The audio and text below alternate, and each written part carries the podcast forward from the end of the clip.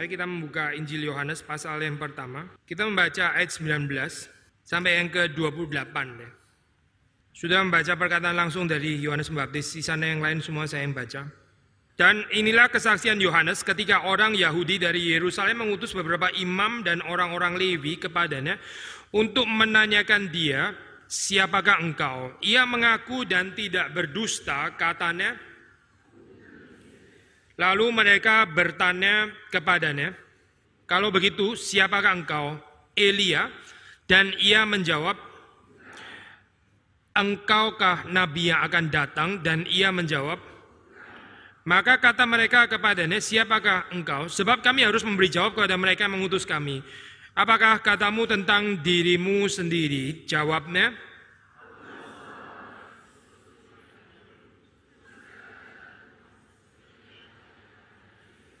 Dan di antara orang-orang yang diutus itu ada beberapa orang Farisi. Mereka bertanya kepadanya, mengapakah engkau membaptis jikalau engkau bukan Mesias, bukan Elia dan bukan Nabi yang akan datang? Yohanes menjawab mereka katanya,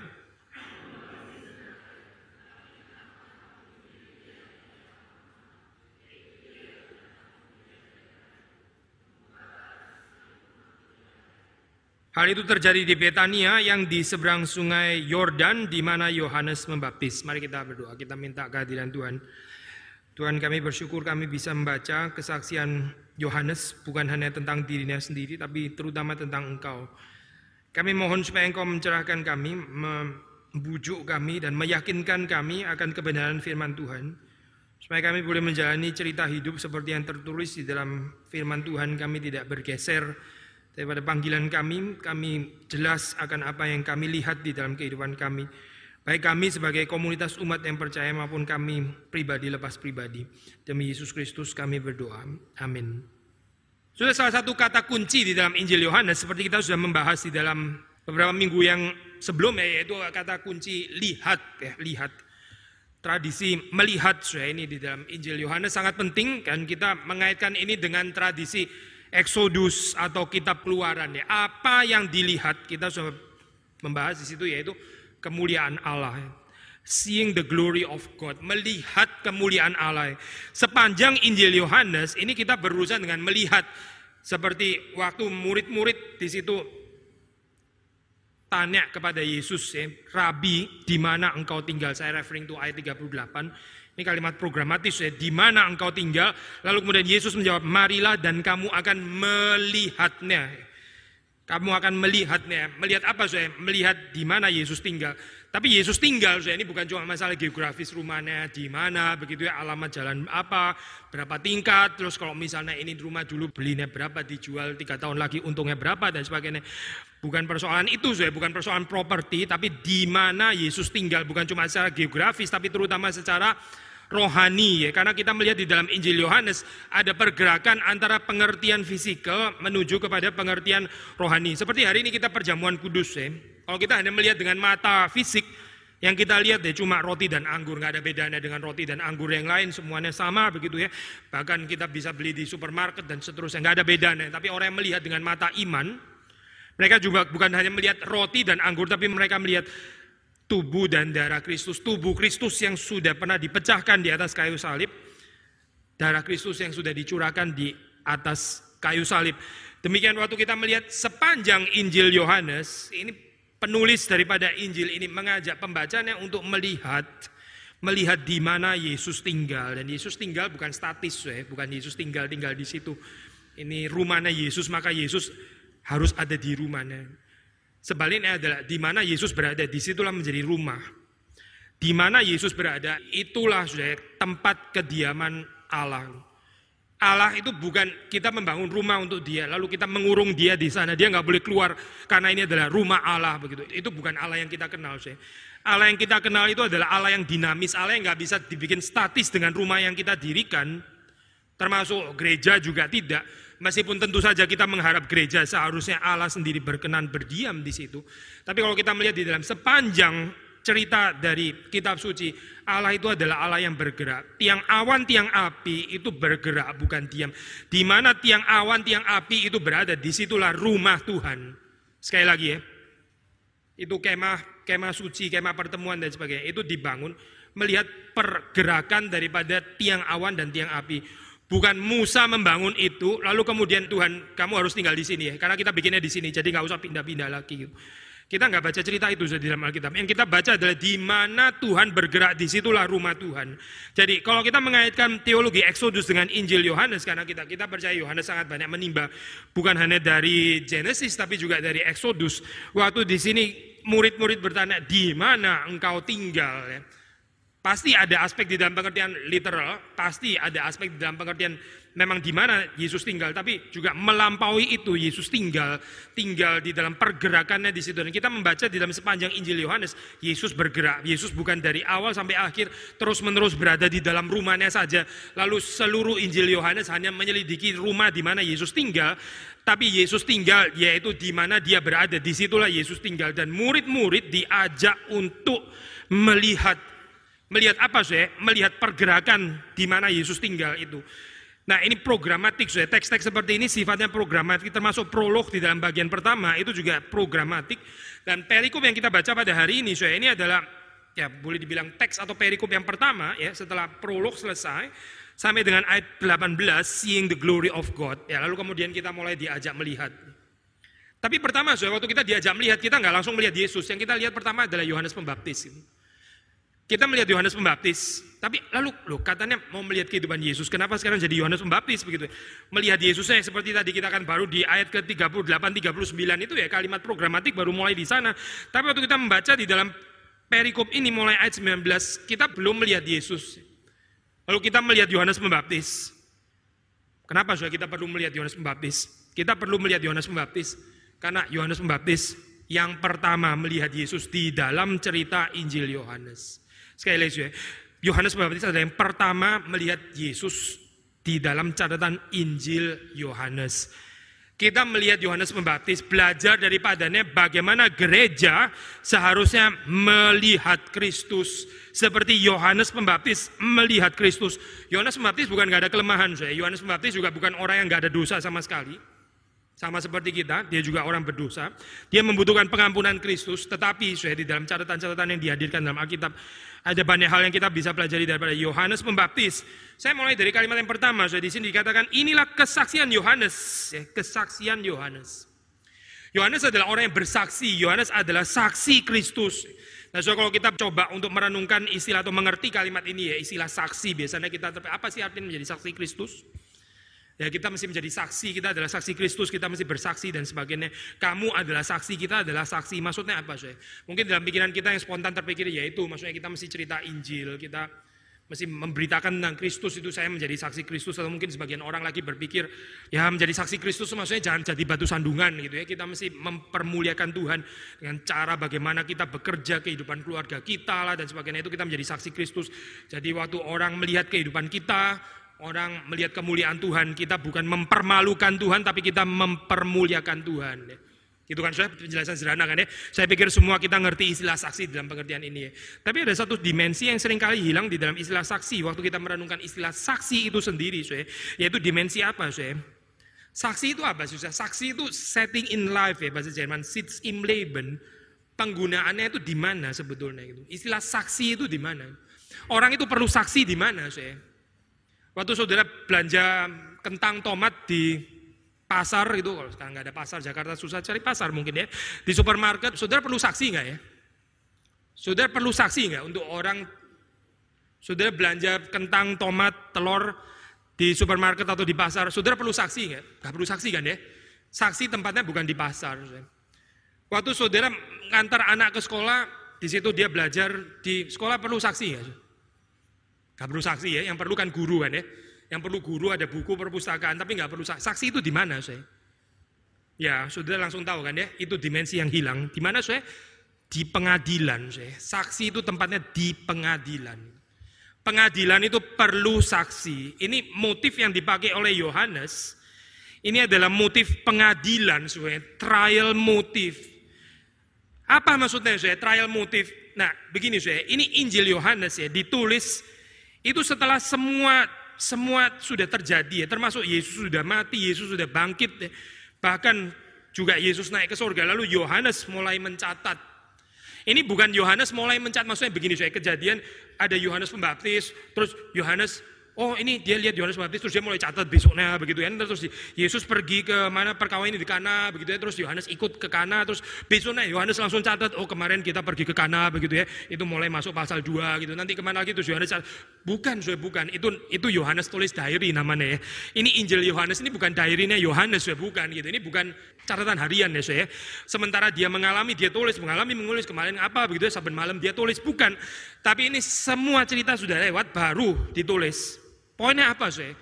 Poinnya waktu Yohanes menulis pasal pertama, ini sudah dari perspektif Christ, death, and resurrection. Ini semua sudah terjadi. Kita nggak bisa mengerti pasal pertama tanpa perspektif salib dan kebangkitan. Sebetulnya yang ditulis di sini apa sih, saya? Yang ditulis di sini kan Injil Yesus Kristus. Ini kan bukan Injil Yohanes Pembaptis kan, saya?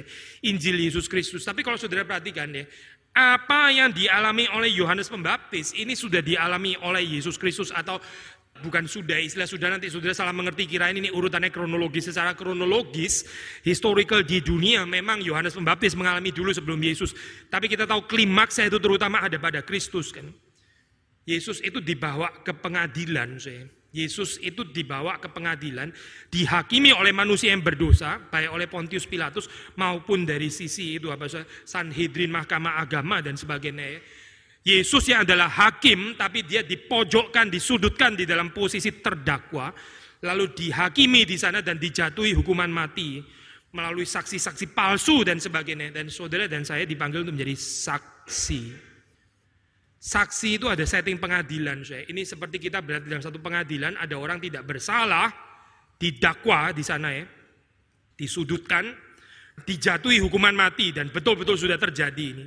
Lalu orang banyak dunia berpikir seperti itu. Memang Yesus ini orang ngawur, pembohong, orang gila, pembohong, ngaku-ngaku Tuhan dan sebagainya. Lalu saudara ada di sana.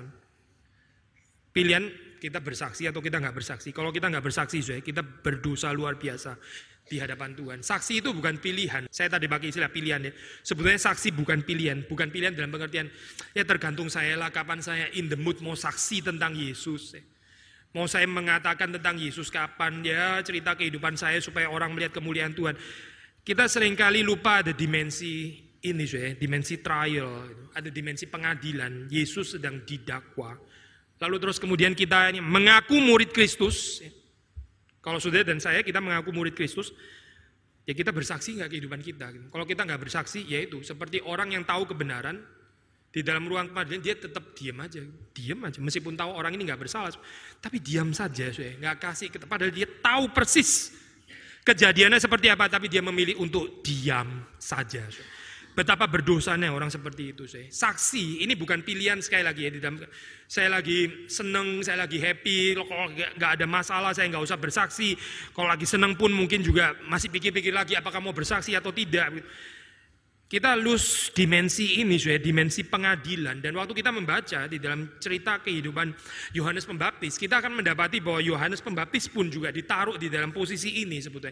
Ini anticipating, ya, ini mengantisipasi Yesus yang akan diseret ke trial, dihakimi oleh orang-orang berdosa dan ditanya kalimat yang sama sebetulnya. Tapi Yohanes Pembaptis di sini ini antisipasi, ini real predecessor, betul-betul seorang pendahulu karena dia mencicipi terlebih dahulu apa yang dicicipi secara bukan dicicipi, dia alami secara penuh oleh Yesus Kristus sang Mesias itu. Yohanes Pembaptis mencicipi kita ya yang setelah Kristus ya, seperti murid-murid setelah Kristus. Kita juga seharusnya mengalami hal ini kalau kita sungguh-sungguh adalah murid Kristus. Saya pernah mengatakan kepada saudara ini, saya kalimat itu menurut Injil Yohanes, Yesus mengatakan dunia membenci kamu. Kamu itu siapa saya? Yang dibilang Yesus kamu itu siapa? Kita tahu kan ya, disebut kamu itu siapa? Siapa? Murid-muridnya kan ya. Yesus bilang kepada murid-muridnya, dunia akan membenci kamu. Kamu itu adalah murid-muridnya. Saya saudara perhatikan ya. Kita ini murid-murid Kristus kan. Kita at least kita mengaku kita murid-murid Kristus. Kita boleh tanya saya, dunia membenci kita atau tidak?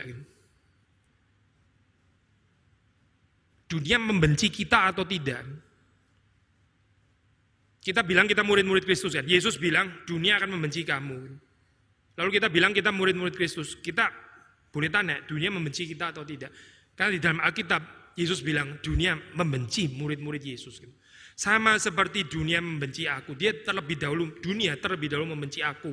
Membenci Kristus. Mereka juga akan membenci kamu. Murid nggak lebih daripada gurunya. Demikian kan prinsip firman Tuhan. Lalu kita murid-murid Kristus, dunia membenci kita.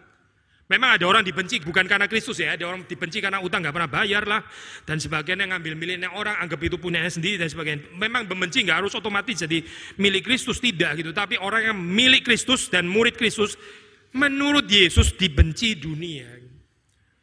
Kalau kita nggak dibenci dunia, then something is very wrong di dalam kehidupan kita gitu. Sekali lagi saya, bukan sengaja kita cari musuh, bukan ya. Kita nggak dipanggil untuk cari musuh. Alkitab juga nggak mengatakan supaya kita aktifly membenci dunia atau membenci orang-orang dunia. Nggak ada perintah itu saya, nggak ada. Allah mengasihi dunia kan, Allah mengasihi dunia, tapi dunia membenci Allah. Nah ini istilah dunia memang banyak pengertian ya kalau kita melihat di dalam Alkitab. Satu sisi dunia digambarkan secara netral, Allah mengasihi dunia, begitu kan. Karena itu kita juga harus mengasihi. Di sisi yang lain ada kalimat mengatakan kamu jangan mengasihi dunia ini. Karena dunia ini lenyap dengan segala keinginannya. Di sini dunia dipakai dalam dua pengertian yang berbeda ya. Tapi kita masuk di dalam pengertian yang ini loh, saya. pengertian yang negatif dulu ya. Alkitab mengatakan, Yesus mengatakan, dunia akan membenci kamu. Maka pertanyaannya saya, kalau dunia nggak membenci kita, itu kenapa saya? Jawabannya sederhana. Karena kita terlalu mirip dengan dunia, kita terlalu mengasihi dunia, makanya dunia nggak membenci kita. Sekali lagi ya, Yesus bilang dunia membenci kamu, murid-murid Kristus. Kalau waktu kita melihat dalam kehidupan kita, dunia ternyata nggak membenci kita, dunia kayaknya seneng tuh sama kita ya. Itu kita boleh bertanya, mungkin saya terlalu mencintai dunia, sampai dunia juga mencintai saya. Ini timbal balik, saling mencintai namanya. Love relationship ya, antara dunia dan saya. Tapi kalau kita baca dalam Alkitab, Love relationship itu harusnya antara kita dan Tuhan, bukan kita dan dunia. Antara kita dan Tuhan, bukan kita dan dunia. Orang Kristen kalau sudah mencintai dunia, lalu dunia mencintai dia kembali, ya udah. Dia bukan murid Kristus ya. Karena Yesus bilang dunia membenci kamu. Saya nggak akan mengkhotbahkan perspektif Lukas ya. Perspektif Lukas itu another, another dimension. Saya nggak akan sentuh dalam bagian hari ini karena kita juga sudah pernah mengkhotbahkan. Tapi kita dari perspektif Yohanes, ya, Yohanes mengatakan Dunia membenci kamu, dunia membenci kamu karena dunia membenci kamu. Dunia akan menarik kamu ke ruang pengadilan. Kamu akan dihakimi oleh dunia ini. Di dalam keadaan seperti itu ya, trial motif. Ya. Ini salah satu gambaran yang penting kita nggak bisa cabut daripada spiritualitas Kristen. Memang ini bukan satu-satunya gambaran. Saya. Kita bersyukur Alkitab itu limpah. Saya. Alkitab begitu kaya ya. Kadang-kadang Alkitab kasih gambaran itu kita ini orang Kristen seperti di dalam spiritual war, ya. seperti di dalam peperangan rohani. Ada gambaran kita ini kita ini adalah prajurit laskar-laskar Kristus ya, tapi kita bukan berperang dengan senjata kekerasan, senjata fisik bukan ya. Kita berperang dengan kebenaran, ya. berperang dengan prinsip kebenaran, bukan melawan prinsip kebenaran maksud saya, tapi berperang dengan saya. Kita menggunakan prinsip kebenaran, firman Tuhan, ya. bukan dengan pedang, bukan dengan kekuasaan Allah di dalam dunia ini tidak. Tapi ada gambaran spiritual war, ya. ada gambaran pesta. Hidup orang Kristen seperti pesta. Ya. Seperti ada mempelai di sini. Ini kan perkataan Yesus sendiri, ada mempelai. Ini pesta, sedang ada mempelai di sini. Ini ada gambaran pesta, ada gambaran spiritual ada gambaran trial. Semuanya banyak ya di dalam Alkitab. Ada gambaran apa? Saya? Ada gambaran padang rumput misalnya. Ada gambaran kita domba, lalu Allah itu adalah gembala. Ya ini kan gambaran yang lain lagi. Metafornya banyak sekali. Saya. Dan kalau kita limpah kehidupan kita kaya, kita mengikuti firman Tuhan, kita akan menghayati satu persatu ya. Setiap metafor itu ada waktunya, ada ada kairosnya masing-masing. Orang yang cuma mengerti satu macam saja, hidupnya sebenarnya agak miskin, ya. miskin. Ada orang gambaran kehidupan kekristenan itu cuma spiritual war gitu ya. Jadi dari awal sampai akhir cuma lihatnya spiritual war. Kayak perang terus kan, nggak ada habis-habisnya begitu ya. Agak miskin sebetulnya. Karena itu salah satu. Yang lain cuma pikir hidup ini seperti pesta. Ya sama miskin juga saya hidup pesta. Jadi buat dia itu semuanya pesta, indah begitu ya. Kita dalam suasana pesta. One sided sebetulnya. Whether yang pikir spiritual war tok itu one sided. Yang cuma pikir pesta tok juga one sided sama saja. Yang pikir trial tok juga sama one sided juga gitu. Jadi kita masih belajar kelimpahan firman Tuhan. Cuma saya ingin mengingatkan kepada saudara jangan lupa metafor ini saya metafor trial. Metafor trial.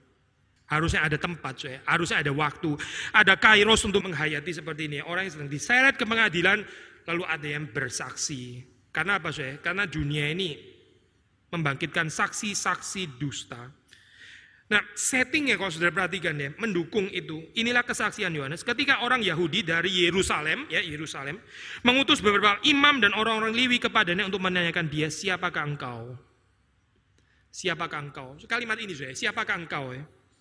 Seperti kayak kalimat dia biasa, dia cuma kepingin tahu siapakah engkau. Sudah perhatikan ya, kalau ini ditaruh di dalam setting trial, which is ini settingnya memang trial, ini kan kalimat yang persis ditanyakan kepada Yesus Kristus, waktu Yesus Kristus dihakim katakan kepada kami, sebetulnya kamu itu siapa? Saudara, kalau orang tanya siapakah, orang bahasa Indonesia nggak tanya siapakah engkau kali ya, itu bahasa Indonesia tinggi sekali gitu kan. Kamu siapa gitu kan ya. Kamu siapa sih gitu kan ya. Kamu siapa gitu. Nah, saudara mendengar pertanyaan kamu siapa? Itu kan kita reaksi bisa macam-macam saya. Ada orang yang ditanya kamu siapa? Wah siap-siap keluarin kartu nama. Wah dia belum tahu saya siapa. Direktur 13 perusahaan, tahu nggak sih? Keluarin kartu nama gitu ya. Jadi, waktu ditanya kamu siapa? Wah bangga langsung gitu ya, bangga. Ada kebanggaan ditanya kamu siapa. Gitu. Lu kurang beruntung belum mengenal siapa. Ini kartu nama begitu kan. Ya. Ada orang yang ditanya kamu siapa? Langsung minder saya karena dia merasa bukan siapa-siapa. Bahasa Indonesia menarik saya ada istilah bukan siapa-siapa itu. Kalau sudah masukin Google Translate pasti bingung Google Translate mau terjemahin apa. Bukan siapa-siapa ya. Apa itu? Not who who gitu atau gimana? Not nggak ada nggak ada terjemahannya saya. Itu bahasa Indonesia bagus sekali ya. Bukan siapa-siapa. Mungkin nggak saya orang itu bukan siapa itu mungkin nggak? Ya? Tapi bahasa Indonesia bisa menemukan formula bukan siapa-siapa. Maksudnya apa saya? Seperti orang itu bisa nggak punya identitas itu. Atau lu nggak kenal saya juga nggak apa-apa lah, karena saya juga bukan siapa-siapa. Tapi kalau saya misalnya ini adalah wah orang penting, orang terkenal, lu perlu kenal gitu kan misalnya. Orang ditanya kalimat kamu siapa? Itu reaksi bisa macam-macam. Tergantung kita menempatkan diri kita di mana. Tapi kalau orang sebagai terdakwa, sebagai terdakwa terus dia tanya, kamu siapa? Siapakah engkau? Itu different reaksi lagi. Dan Yohanes ada di dalam posisi Kristus yang mengantisipasi ini. Kamu siapa? Ini orang-orang sudah siap ya mau menyalibkan Yesus. Yesus. Kamu siapa? Betul nggak? Kamu Mesias? Sudah berhentilah menyesatkan kami. Katakan terus terang, kalau kamu Mesias ya bilang Mesias, kalau bukan ya bukan. Jangan bikin orang confused kayak begini terus. Yesus di dalam posisi terdakwa, dia ditanya kalimat yang sama sebetulnya. Kalau kalimatnya secara isi nggak persis sama, tapi intinya sama, yaitu pertanyaan identitas. Siapakah engkau dan siapakah engkau? Ini sudah bukan ditanyakan oleh orang-orang yang mau mengenal siapa Yesus, bukan. Yang humbly mau belajar tentang Yesus. Siapa sih engkau ini? Tolong katakan kepadaku. Bukan, sudah ini posisi hakim Posisi hakim yang sedang tanya, siapa kamu? Katakan kepada kita gitu, siapa kamu? Betul nggak kamu pencuri ayam itu gitu? Kayaknya sih iya gitu, sudah ada asumsi juga begitu ya. Ini bukan praduga tidak bersalah, ini praduga bersalah namanya saya. Nah, saudara perhatikan di dalam bagian ini Yohanes merajut dengan sangat indah. Yohanes penginjil maksudnya, Yohanes penulis kitab atau Injil Yohanes merajut cerita Yohanes membaptis dengan sangat indah menempatkan dia truly as Jesus predecessor, as the predecessor of Christ. Pendahulu sang Mesias itu ya. Karena ini adalah orang-orang yang datang dari Yerusalem. Imam orang-orang Lewi tanya kepadanya, siapakah engkau? Kamu siapa? On what authority? Menurut otoritas siapa kamu melakukan seperti ini? Lalu Yohanes mengatakan ia mengaku dan tidak berdusta. Saudara perhatikan kalimat ini, ya. mengaku dan tidak berdusta. Yohanes confess, mengaku, mengaku saya. Saya tadi singgung ini kan ya, Yohanes itu seperti model dari gereja. Gereja harus belajar seperti Yohanes Pembaptis. Seperti Yohanes Pembaptis yang mengaku dan tidak berdusta. Gereja seharusnya mengaku dan tidak berdusta. Tidak berdusta itu bukan cuma sekedar tidak mengatakan kebohongan saja, saya. Nggak cukup, saya. Itu bukan bukan pengertian Alkitab. Sekali lagi ya, tidak berdusta itu bukan hanya sekedar pokoknya saya nggak bohong sudah tidak berdusta. Itu agama pasif sekali, saya. Tidak berdusta itu kalau kita baca di sini adalah mengaku, maksud mengaku orang yang mengaku confess itu tidak berdusta. Kita bisa berdusta di dalam pengertian karena kita takut mengaku, saya takut confess. Takut confess apa, saya? Takut confess identitas kita. Orang berdusta itu nggak harus berdusta secara verbal. Orang bisa berdusta secara non verbal. Menutup-nutupi identitasnya. Waktu ditanya siapakah engkau waktu dunia menyudutkan kita. Kamu siapa sebetulnya? Kita main aman. Kalau saya terang-terangan bilang saya orang Kristen apa waduh bahaya lah ini. Dagang bisa nggak untung nanti begitu ya. Nanti saya dipersulit anak saya sekolahnya. Jadi kita mesti pinter-pinter di dalam dunia. Saya toh nggak berdusta seperti Abraham itu saya dibilang ini siapa begitu kan ya. Waduh ini punya istri cantik repot juga begitu kan ya. Diinginin semua orang. Jadi saya bilang dia saudara saja. Saudara ya saudara. Sebetulnya mau dibilang saudara, kalau mau dibilang nggak berdusta, yang nggak berdusta juga orang Sarah benar-benar saudaranya itu. Tapi Abraham dengan kalimat itu sebuah intentionally mau mengelabui kan. Kenapa dia nggak bisa mengaku sederhana bilang ini istrinya, lalu percaya pemeliharaan Tuhan itu. Kita nggak sedang bahas Abraham saya, ini cuma contoh gitu. Kita balik lagi di sini saya. Yohanes Pembaptis waktu ditanya, dia mengaku saya, dia mengaku ya, confess dia punya posisi di hadapan Tuhan, dia tidak berdusta, tidak berdusta. Lalu dia mengatakan apa saya? Aku bukan Mesias. Aku bukan Mesias. Kalimat ini saya seperti sederhana sekali gitu ya. Ya pasti lah bukan Mesias. Memang dia bukan kok. Ya. Sekali lagi saya, gereja mesti belajar dari Yohanes Pembaptis di dalam banyak hal saya. Dan statement pertama yang keluar daripada Yohanes Pembaptis adalah diferensiasi antara dia dan Mesias. Gereja itu bukan Kristus. Gereja bukan juru selamat. Gereja bukan penebus. Gereja bukan infallible, bukan nggak ada salah. Ya, ya karena nggak ada salah itu Kristus. Gereja nggak kebal terhadap teguran dari firman Tuhan. Gereja akan diprofil oleh Tuhan dan bukan cuma profil gereja-gereja yang lain, tapi dia sendiri juga diprofil oleh Tuhan. Sudah tahu istilah diprofil ya? Kita suka profil orang lain gitu. Orang ini kayak begini. Saya tahu lah karakternya dia kayak begini. Ini oh kalau ini dia gini. Oh saya sudah kenal lama sama dia. Oh dia begini, dia begini begini. Wah kita suka ya profiling orang lain itu. Gereja mungkin juga bisa profil gereja lain. Oh, gereja gini, gereja ini gitu gitu. Hati-hati saya, hati-hati. Bukan nggak boleh profile. Kita ada konsep nilai, pasti akan melakukan itu juga. Tapi jangan lupa kalau kita sendiri juga sedang diprofile oleh Tuhan. Perkataan aku bukan Mesias, saya. ini perkataan seperti kalian sederhana sekali, tapi diferensiasi yang paling basic, saya. paling basic. Gereja itu bukan kebenaran, saya bukan. Kalau kita confuse bagian ini, semua fondasinya kacau balau. Saya. Gereja yang menyetarakan dirinya dengan Kristus itu kacau balau. Saya. Gereja yang membuat dirinya kebal terhadap teguran firman Tuhan itu gereja yang kacau balau. Yohanes Pembaptis mengatakan, aku bukan Mesias. Mesias yaitu Mesias, saya bukan Mesias. Gereja bukan Mesias. Gereja bukan Kristus. Gereja ini adalah kumpulan orang-orang berdosa yang menunjuk kepada Mesias. Gereja bukan Mesias itu sendiri. Gereja bukan menunjuk kepada dirinya sendiri, tapi menunjuk kepada Mesias. Seperti Yohanes Pembaptis menunjuk kepada Mesias. Lalu mereka turun, saya turun tingkat karena ya, oh bukan Mesias, oke kalau gitu kita turun tingkat begitu ya. Jangan-jangan kamu siapa? Elia kali ya. Elia itu penting sekali sudah di dalam perjanjian lama dan itu dikonfirmasikan sudah membaca di dalam peristiwa transfigurasi ya Elia termasuk dari perspektif New Testament waktu Yesus akan menjalani penderitaan di situ yang muncul adalah Musa dan Elia. Musa kita gampang sekali menjelaskan Musa lima kitab Taurat itu Musa, Pentatiuh itu Musa begitu ya. Tapi Elia, kenapa Elia gitu? Kalau Musa, ya kita nggak susah menjelaskan. Sudah tanya orang-orang Israel sekarang, siapa yang paling besar orang Israel? Mereka akan gampang sekali jawab Musa gitu. Musa gitu. Eh, Musa kita nggak perlu penjelasan, tapi pertanyaan kenapa Elia begitu kan? Apa kepentingannya Elia? Saya? Elia itu nabi api begitu kan? Kenapa Elia kepentingan saya? Elia kalau sudah membaca di dalam perjanjian lama dia adalah nabi yang memperjuangkan monoteisme ya. Namanya itu Eliyahu, Elia, Yahweh is is God. God is Yahweh is God. El Yahu yaitu nama di dalam bahasa Ibrani. Artinya adalah yaitu Yahweh alone is God dan itu panggilan daripada Elia seumur hidup membawa bangsa Israel ya, kembali kepada iman monoteisme ya, dari iman campur-campur dengan Baal, Astoret dan sebagainya tapi kepada Yahweh ya, satu-satunya Allah yang sejati. Elia penting sekali saya mempersiapkan bangsa Israel kembali kepada iman monoteis. Maka di sini waktu mereka, oh jadi bukan Mesias. Kalau begitu mungkin Elia kali ya. Kalau begitu siapakah engkau? Elia? Dia juga jawab bukan, saya bukan. Dia jawab bukan. Lalu orang tanya lagi, oh Nabi akan datangkah? Engkaukah Nabi akan datang? Nabi akan datang ini tradisinya dari Deuteronomi ya, itu kitab ulangan ya. Itu Kan ditulis itu setelah Musa akan dibangkitkan nabi, ya, setelah Musa ya. Nabi, ini pengharapan bukan cuma untuk orang Farisi, orang Saduki juga berharap ini karena orang Saduki juga percaya lima kitab Musa kan saya. Jadi setelah Musa akan ada nabi yang dibangkitkan lagi. lebih besar daripada Musa. Nah, inikah engkau gitu ya, nabi yang akan datang, dia menjawab juga bukan. Semuanya bukan, bukan, bukan. Semua jawaban negatif kan, kalau di ini berarti jawaban negasi maksudnya, negatif dalam pengertian negasi.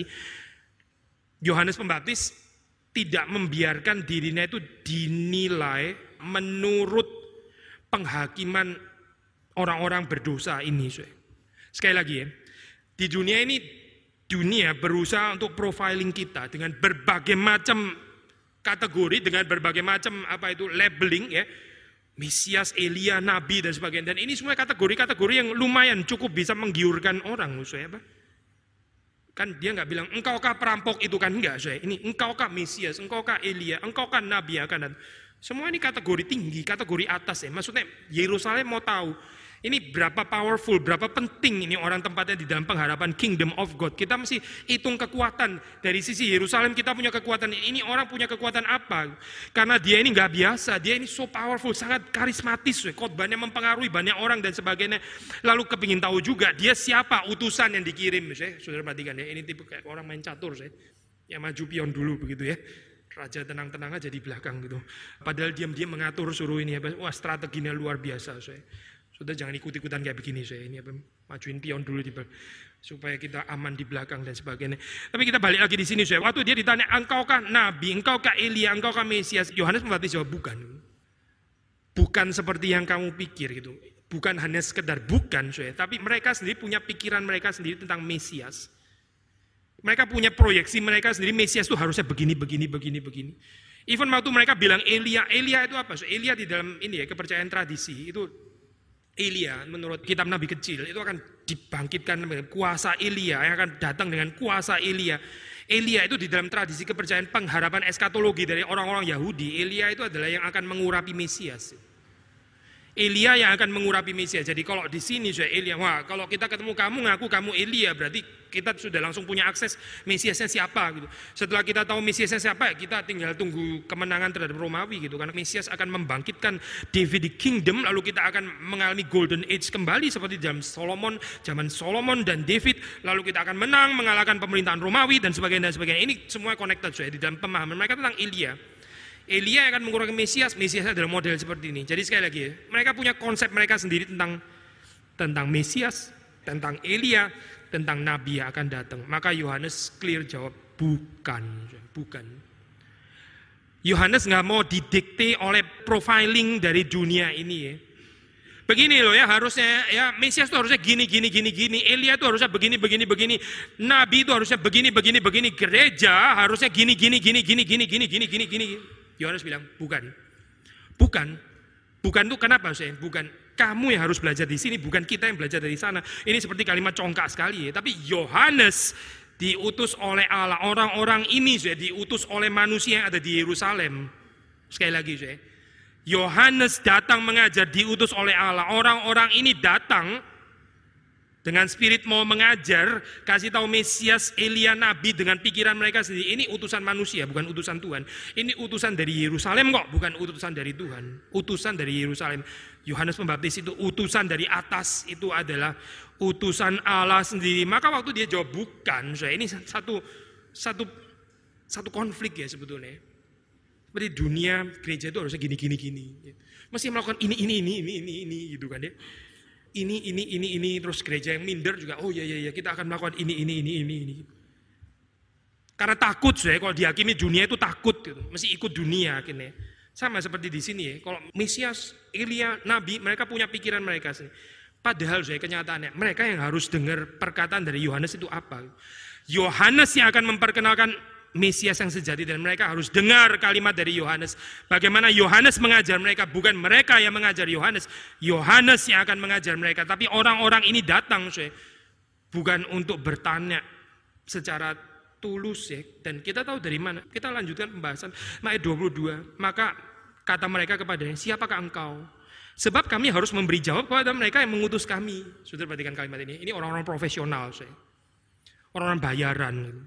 Siapakah engkau? Kalau kita berhenti cuma sampai di sini, sudah kelihatan, wah inilah akhirnya mereka setelah salah tebak, multiple choice A salah, B salah, C salah, ya udahlah kita berhenti semuanya salah karena kita salah. Oke deh kalau gitu sih. Self revelation silakan katakan sekarang kepada kita sebetulnya kamu siapa. Itu kan humble kayak begitu saya. Saya mau belajar. Enggak saya. Setelah tiga kali tebak salah, siapakah engkau? Tapi siapakah engkau bukan karena mereka mau belajar, bukan karena mereka mau menjadi murid daripada Yohanes Pembaptis yang akan mengajar mereka tentang Mesias tidak. Tapi karena mereka harus memberi jawab kepada mereka yang mengutus mereka. Ini orang profesional dibayar. Saya. Saya bukan betul-betul mau tahu kamu sih, tapi ini ada yang mengutus kita, dan mengutus kita ini sudah bayar kita ya. Kita datang ke sini, masih kasih jawab loh sama mereka. Kita takut sama orang yang mengutus kita itu, oh, Yerusalem kuasanya besar sekali. Jadi kamu tolong kasih tahu siapa kamu. Bukan karena kami kepingin tahu sih, enggak. Ini cuma nyampiin pertanyaan orang lain sebetulnya. Nyampiin pertanyaan orang lain saya. Saya paling sebel di seminar di biasa. Ulang sekali lagi saya.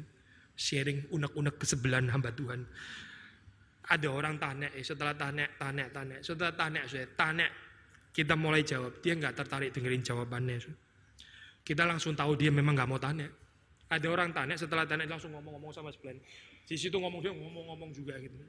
Maksudnya apa sih? Dia tanya, waktu dijawab dia nggak dengerin sama sekali. Mungkin dia mau tanya itu untuk mau hantem sebelahnya tadi kali ya. Lalu dijawab, tuh kan, bener kan gua ngomong apa, lu mesti denger jawabannya apa tuh. Bener, gua bilang terus bener gitu kan ya. Pakai otoritas hamba Tuhan tuh antem orang lain gitu ya. Pakai pertanyaan. Orang tanya kayak begitu saya, motivasinya berdosa di hadapan Tuhan. Nah di sini saya sama, ini orang tanya siapakah engkau gitu. Tapi apakah mereka punya motivasi untuk mengenal Yohanes Pembaptis dan dia yang diberitakan oleh Yohanes Pembaptis? Jawabannya enggak. Mereka mereka tanya bukan untuk mau tahu. Mereka tanya karena ada orang mengutus, karena mereka harus memberi jawab kepada mereka yang mengutus mereka. Apakah katamu tentang dirimu sendiri sudah cepetan lah ini kayak gini terus ya panas ya gini ya. Lu juga ya khotbah-khotbahnya bukannya di hotel, bukannya apa di padang gurun lagi panas luar biasa di sini dan kita belum menemukan payung gitu. Jadi cepetan lu jawab supaya kita bisa pulang lagi setelah itu selesai urusan. Tapi Yohanes jawab juga loh saya. Yohanes jawab juga seperti hamba Tuhan ditanya sama orang-orang motivasi yang gak karu-karuan itu. Juga jawab juga. Hamba Tuhan harus jawab, tapi jawabnya bukan untuk orang itu sebetulnya. Ini yang paling ironi kan di situ kan saya. Orang yang tanya sebetulnya nggak mendengar jawaban. Yang nggak tanya justru yang mereka yang layak untuk mendengar jawaban. Kalimat akulah suara orang yang bersurus di badang gurun dan seterusnya ini saya. Ini mereka tahu pun mereka dengar ini. Mereka cuma sampein aja, sampein ke orang-orang yang mengutus mereka kan. Tinggal sampein orang di Yerusalem. Oh itu katanya adalah suara orang bersuruh di padang gurun dulu sekarang jalan Tuhan. Mereka sendiri nggak mau tahu itu artinya apa masa bodoh. Kita cuma dibayar untuk dengar jawaban. Setelah ada jawaban ya udah kita sampein lagi kepada mereka yang mengutus kita. Selesai gitu. Seperti itu Zuhaibah yang Herodes tanya. Di mana itu bayi yang lahir itu dan sebagainya. Mereka bisa kasih keterangan, oh ini Bethlehem dan sebagainya. Hmm, langsung bisa tahu di sini dan sebagainya. Menurut kita Mika Bethlehem. Tapi mereka nggak interest sama sekali dengan Bethlehem, dengan raja yang nggak interest sama sekali. Tapi bisa jawab secara akademis bisa jawab. Ini bukan orang akademis ya, ini orang profesional bayaran ini, ini pegawai. Waktu Yohanes menjawab ini kalimat siapa yang mendengar saya? Mungkinkah di antara mereka ada orang yang betul-betul menghayati? Mungkin kita nggak bisa tutup kemungkinan itu ya. Mungkin saja ada di antara orang yang diutus akhirnya betul-betul mencari dengan kerendahan hati akhirnya wah dia ada ternyata nabi yang dinubuatkan oleh Nabi Yesaya. Orang yang berseru-seru di padang gurun sampai akhirnya terus kemudian bertobat mengikuti khotbah daripada Yohanes. Mungkin saja, saya. kita nggak pasti tentang itu ya. Tapi yang kita pasti adalah yang mendengar jawaban ini adalah pembaca dari Injil Yohanes, termasuk saudara dan saya. Yang pasti mendapat keuntungan manfaat daripada jawaban Yohanes Pembaptis ini adalah pembaca Injil Yohanes. Kita nggak tahu di antara orang-orang yang hadir di sana pada saat itu ya, ada orang yang diberkati nggak dengan jawaban Yohanes. Jawabannya bisa iya dan bisa tidak. Kita nggak tahu pasti. Yang pasti adalah saya yang membaca Injil Yohanes waktu Yohanes Pembaptis mengatakan, akulah suara orang yang berseru-seru di padang gurun. Luruskan jalan Tuhan. Luruskan jalan Tuhan. Make a highway for the Lord. A highway, jalan tol. Sudah tahu jalan tol ya? Jalan tol sih bisa ini saya. Biasanya nggak putar kan ya. Tapi jalan tol ya, sepanjang saya tahu selalu lurus di dalam pengenaan. Lurus bukan di dalam pengenaan, lurus gini saya. Boleh agak putar gitu, tapi lurus di dalam pengenaan dia nggak gini-gini kan saya. Sudah tahu di San Francisco ya jalannya kayak gini-gini gitu. Wah itu seperti kayak naik unta gitu ya, turun naik, turun naik. Itu jalan nggak lurus ya. Nabi Yesaya waktu bilang, itu Tuhan kalau datang, jalan itu mesti lurus dulu. Lurus, bukan begini.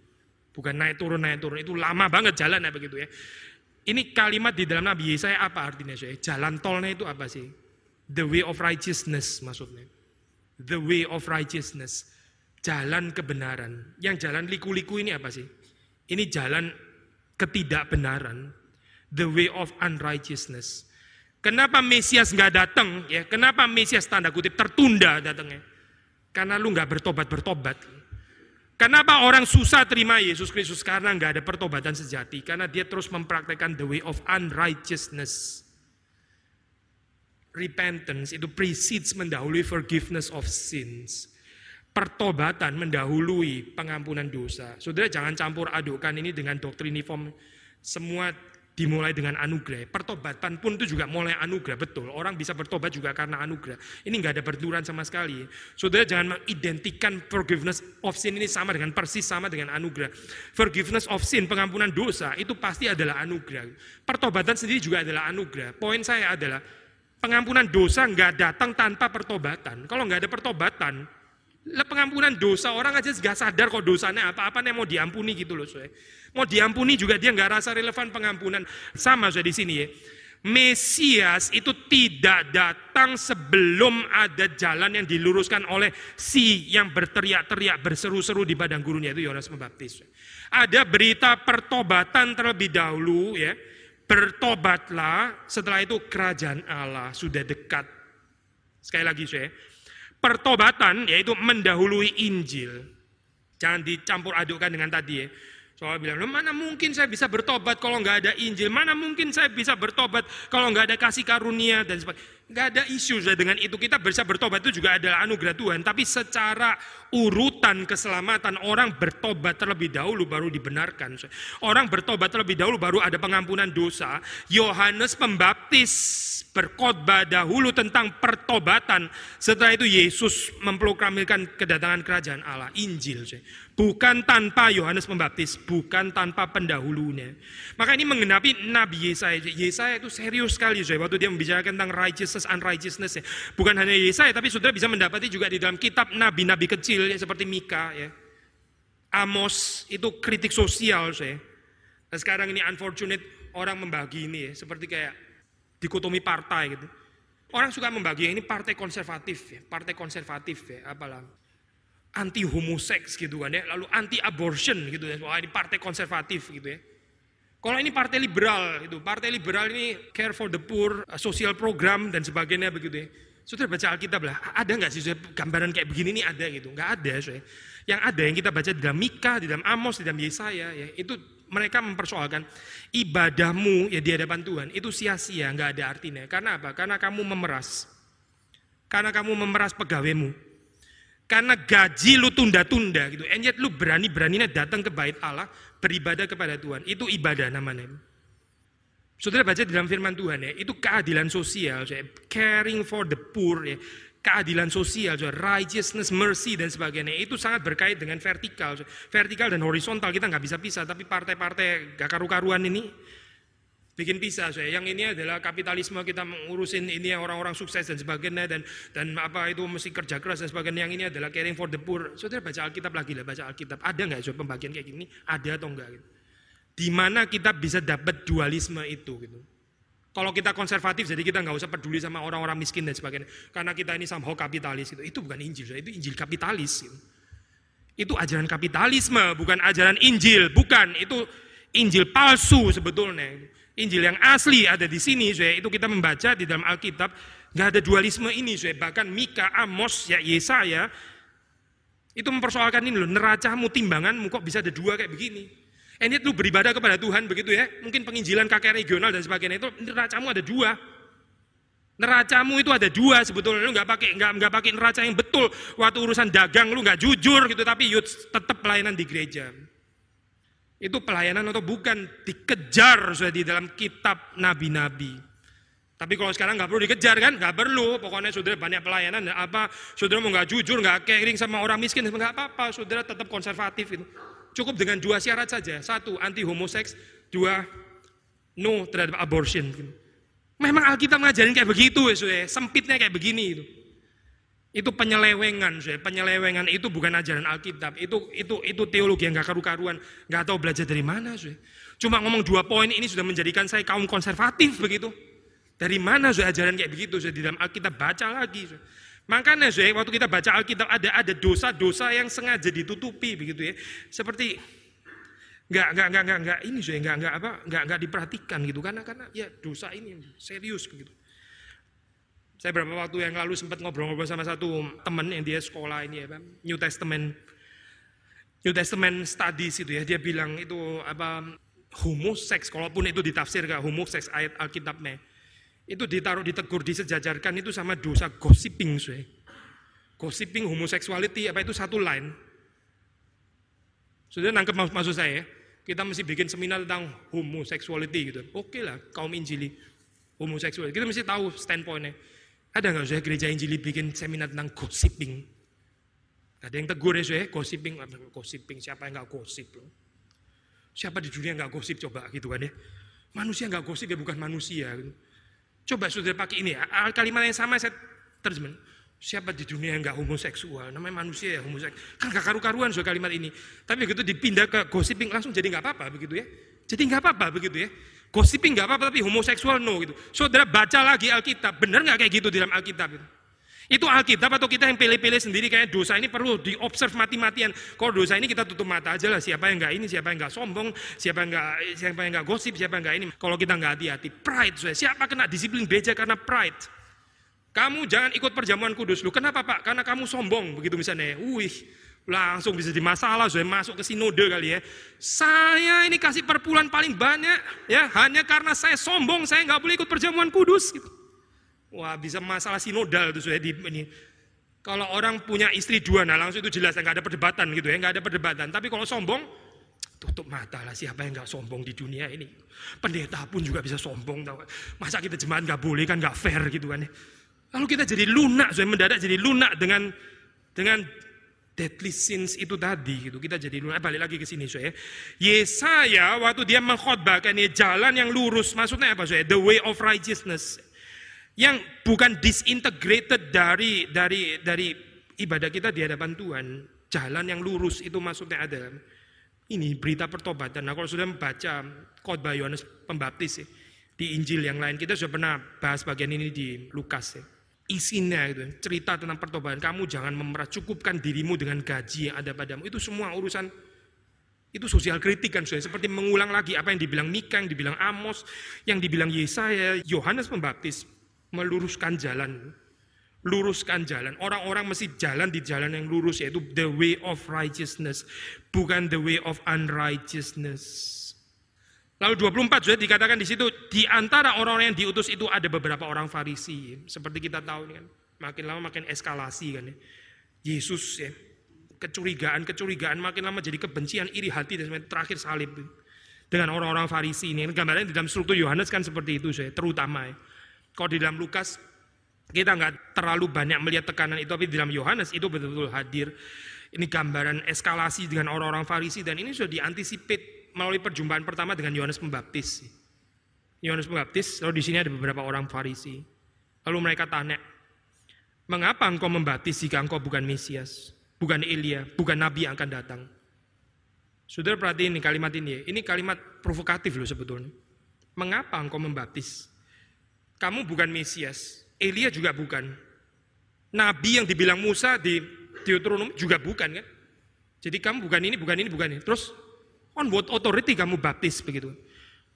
Yohanes membaptis kan membaptis ya, ini mempersiapkan orang untuk masuk ke dalam kerajaan Allah, kerajaan sorga kan ya. Orang-orang Farisi pasti nggak mau saya seperti ini. Ya. Mereka kingdom of God sih kingdom of God. Kita tahu teori kingdom of God. Yesaya, oke kita percaya Yesaya. Tapi kerajaan Allah mesti di bawah tangan orang itu. Ini Yohanes Pembaptis. Memang dia karismatis sih orang powerful. Bicaranya berkuasa, bisa dragging banyak orang. Tapi mesti di bawah tangan orang itu. Wah, nanti dulu. Kita mau ogah, kita juga punya otoritas kita dari Yerusalem. Ada beberapa orang Farisi, mereka tanya, mengapa engkau membaptis? Saya tertarik sekali dengan jawaban Yohanes Pembaptis ya, karena ini distraction sebetulnya pertanyaan ini. Yohanes menjawab mereka, aku membaptis dengan air, tetapi di tengah-tengah kamu berdiri dia yang tidak kamu kenal. yaitu dia yang datang kemudian daripadaku, membuka tali kasutnya pun aku tidak layak.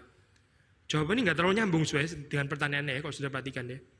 Pertanyaannya kan, mengapa engkau membaptis? Kalau kamu bukan ini, bukan ini, bukan ini. Mengapa engkau membaptis? Mungkin ya, kalau kita di posisinya Yohanes Pembaptis ya, kita bisa terprovok dengan Meskipun saya bukan Elia, bukan Mesias dan bukan Nabi yang akan tapi di antara semua Nabi yang ada di dalam perjanjian lama, yang paling besar sedang ada di sini. Dan dengan otoritas ini saya membaptis gitu. Ngerti nggak lu? Gitu ya kira-kira ya. Karena lu nantang sih ya, lu nantang pertanyaan nantang. Orang sombong harus dijawab kalimat sombong juga begitu ya. Itu baru namanya keadilan. Tapi Yohanes Pembaptis nggak bodoh ini. Mengapa engkau membaptis? Ini pertanyaan langsung menyerang ego daripada Yohanes Pembaptis. Ya. Yohanes Pembaptis nggak bergeming, saya. dia consistently referring to Christ, consistently pointing to Christ. Ini bukan It's not about me. Ini bukan tentang saya, si Yohanes Pembaptis. Ini tentang Kristus sebetulnya. Maka waktu saudara membaca, aku membaptis dengan air. Tapi dia nggak kasih penjelasan on what authority dia baptis dengan air. Memang faktanya dia baptis dengan air. Tetapi di tengah-tengah kamu berdiri dia yang tidak kamu kenal. Lu terus serang saya, ini bukan tentang saya. You better mengenal orang yang saya tunjuk. Yaitu Sang Mesias yang membuka tali kasutnya pun aku tidak layak. Gereja itu under serangan provokasi kayak begini. Saya. Kalau kita kita distracted ya, kita nggak hati-hati. Kita jadi self defensive, saya. kita jadi sibuk apa itu saya mempertahankan diri kita terus kasih tahu begitu ya kita jadi akhirnya nggak nggak seperti Yohanes Pembaptis ya atau secara pribadi begitu ya pribadi saya pernah punya pengalaman saya waktu jadi jadi student mahasiswa saya ada satu teman student juga ya dia struggling. Studinya agak susah ujiannya juga susah. Saya pikir saya kepingin menghibur dia.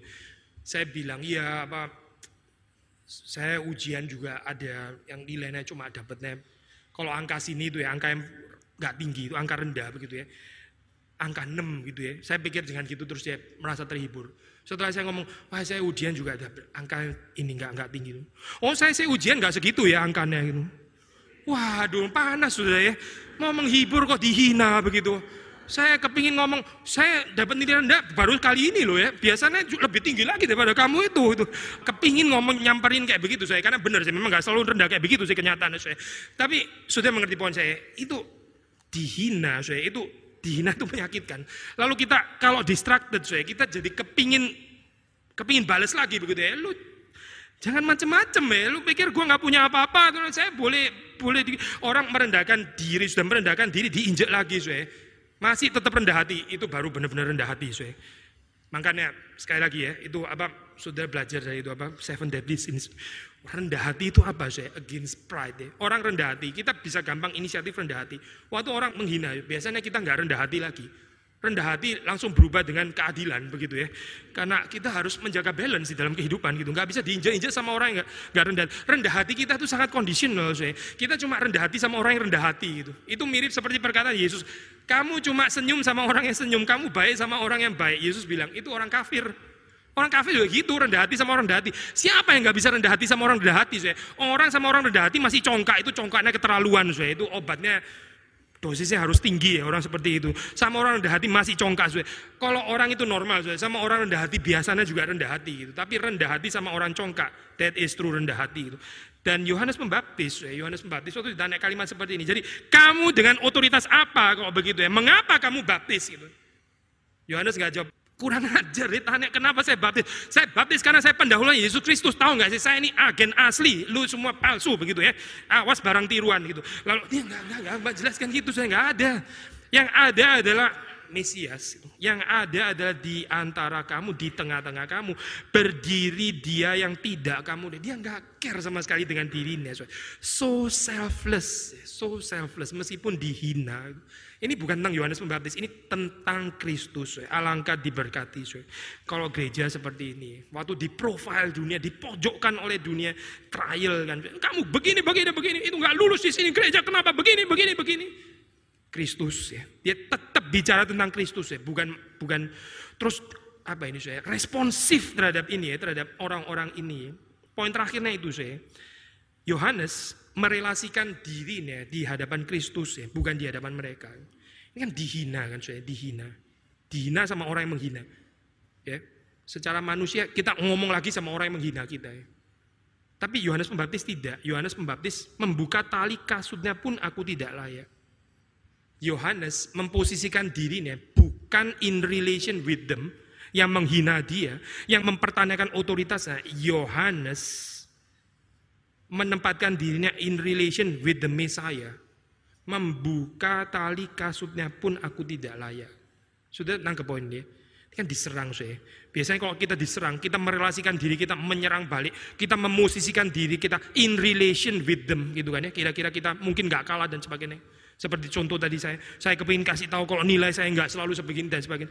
In relation with dia. Yohanes Pembaptis nggak begini, saya. Yohanes Pembaptis membuka tali kasutnya pun aku tidak lah. Ini bukan tentang saya dan kamu. Kita nggak sedang bertanding gitu. Kamu bukan musuh saya, saya juga bukan musuh kamu. Tapi kita mari melihat Kristus, melihat Kristus yang membuka tali kasutnya pun kita semua nggak ada yang layak. Dia tetap rendah hati, dan kerendah hatiannya itu saya adalah kerendahan hati di hadapan Tuhan. Sekali lagi ya, Kerendahan hati yang benar itu bukan kerendahan hati di hadapan manusia. Juga bukan kerendahan hati bagaimana terhadap orang-orang yang menghina kita. Bukan. Kerendahan hati itu adalah kerendahan hati waktu seseorang memosisikan dirinya di hadapan Kristus. Membuka tali kasutnya pun aku tidak layak. Kiranya Tuhan memberkati kita semua. Mari kita masuk jam 2.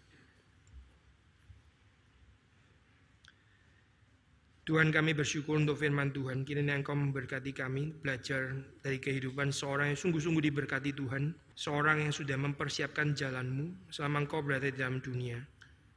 Engkau sudah datang dan bahkan Engkau sudah naik ke sorga. Kami melanjutkan pekerjaanmu di tengah-tengah dunia ini. Ajar kepada kami Tuhan seperti Yohanes Pembaptis. Kami boleh senantiasa menjadi saksi Tuhan. Saksi di tengah-tengah dunia yang menyeret sudah menyeret engkau ke pengadilan, tapi dunia yang juga akan menyeret kami ke pengadilan, yang akan memojokkan gerejamu, yang akan memojokkan umatmu. Beri kepada kami kepekaan, bukan untuk memusuhi mereka, bukan untuk membenci mereka, tapi merangkul di dalam cinta kasih dan kebenaran.